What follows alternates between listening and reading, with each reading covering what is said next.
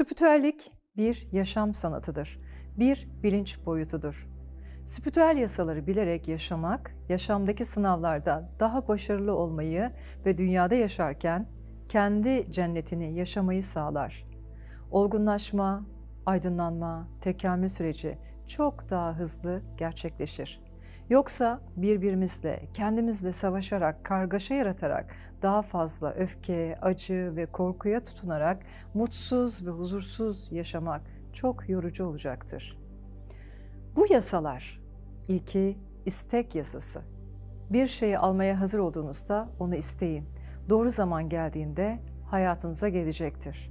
Onu aldığınızda değerini bilin ve teşekkür edin eğer biri sizden yardım istiyorsa mutlaka yardım edin. O kişi bulunduğu durumdan kendi çabasıyla çıkamıyorsa ona çıkış yolunu gösterin. Ama o yolu onun yerine yürümeyin. Tüm sorumluluğu üzerinize almayın. Neden mi? Birincisi, onun karmik sorumluluğunu üstlenmiş olursunuz. İkincisi, onun ilahi planına müdahale etmiş olursunuz. Üçüncüsü, belki de kendi başına çözmesi gereken bu sorunu çözmesini engellemiş, o zorluktan alması gereken dersi almasını siz ertelemiş olursunuz. Dördüncüsü, onun gelişimini yavaşlatmış olursunuz. Hele ki yardım istememişse, onun rızası olmadan yardım etmek fayda yerine ona zarar verir. Hani derler ya, cehennemin yolları iğneli taşlarıyla örülüdür. Ya da iyilikten maraz doğar. Yani iyilik yapmayalım mı? Yapalım tabii ki.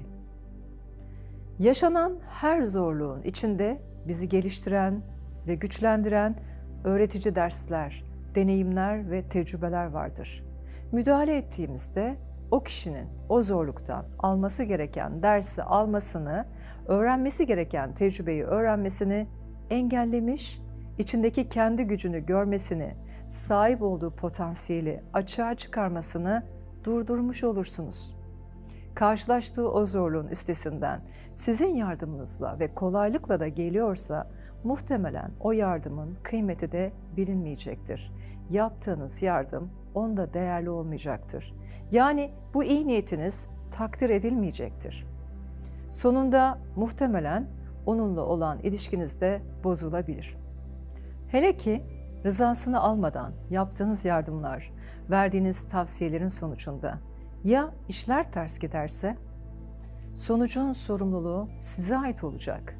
Onun karmasına girmiş ve suçlu da, sorumlu da siz olmuş olacaksınız. İşte iyi niyetten maraz doğdu. Fayda yerine zarar vermiş oldunuz. Birinin kendini içine soktuğu bu zor durumdan kendi çabasıyla çıkması onu geliştirir, onu güçlendirir. Onda kalıcı ve değerli olan gelişmeyi sağlar. Kendini gerçekleştirmesini sağlar. Kendi içindeki gücü görmesini sağlar. Zorluklara karşı nasıl bir tavır takınması gerektiğini, bu zorluğun üstesinden gelirken edinilen bilgi, tecrübe, onu geliştiren, onu olgunlaştıran, onu tekamüle hazırlayan tecrübelerdir aslında. Aynı durum sizin başınıza geldiğinde görmeniz gerekeni görüp almanız gereken dersi alın. Yardım istemeye hazır olduğunuzda yardım almaya da hazır hale gelirsiniz. Bu durum size ne gösterdi? Ne öğretti? Öğrendiklerinizle bundan sonraki yolculuğunuz çok daha kolay ve keyifli olacaktır. Her zorluğun bir ödülü vardır, hediyeleri vardır. Her şerrin bir hayrı olduğu gibi. Olumsuzluktan çıkıp olumluya odaklandığınızda yani şerrin içinde barındırdığı hayrı gördüğünüzde yolu da bulmuş olursunuz. Yolunuzu kaybettiğinizde, çıkış yolu bulamadığınızda, aradığınız cevapları bilmiyorsanız sakinleşin ve kendi içinize dönün. Ne istediğinize odaklanın. İçinizdeki yaradana bağlanın ve yardım isteyin. Mutlaka cevaplar size akmaya başlayacak aradığınız ışık içinize doğacaktır. Evrende her şeyin bir dengesi vardır. Her şey birbiriyle zıttıyla, birbirine zıttıyla dengededir. Sadece alırsanız dengeyi bozarsınız ya da sadece verirseniz yine dengeyi bozarsınız. Alma, verme dengesi. Almadan vermek yaradana mahsus. Biz yaradan değil, onun kullarıyız. Alma ve verme dengesini korumamız gerekiyor. Alma bolluğumuzu, verme bereketimizi etkiler. Bolluk ve bereket konusunda sorun yaşıyorsanız, anneniz ve babanızla olan ilişkilerinize bir bakın. Cevapları bulacaksınız. Baba bolluğu, anne bereketi belirler.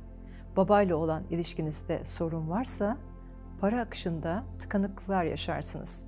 Para az geliyorsa ya da hiç gelmiyorsa babanızla ilişkilerinizi iyileştirin. Aradaki tüm negatif bağları kesip bunu engelleyen enerjiyi serbest bırakın. Baba verici bir enerjide olduğu için ondan alamadığını hayattan, insanlardan alamayabilirsin. Anne ise dişil enerjidir. Kazandığın paranın bereketi yoksa, yani geldiği gibi gidiyorsa, birikmiyorsa anne ile olan ilişkinize bir bakın.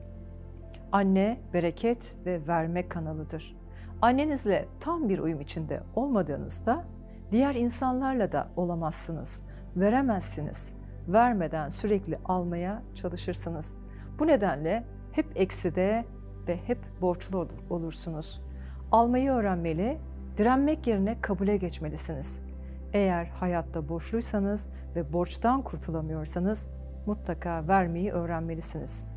Ve annenizle aranızdaki tüm negatif enerji bağlarını kesip serbest bırakmalısınız. Hem annenizi hem babanızı olduğu gibi kabul edip onlarla aranızdaki bu bağları kestiğinizde bu durumlar iyileşecektir. Hayatta olsunlar ya da olmasınlar. Bunu yapın. Bağ kesme çalışmaları benim YouTube kanalımda, bağ kesme videomda bulabilirsiniz.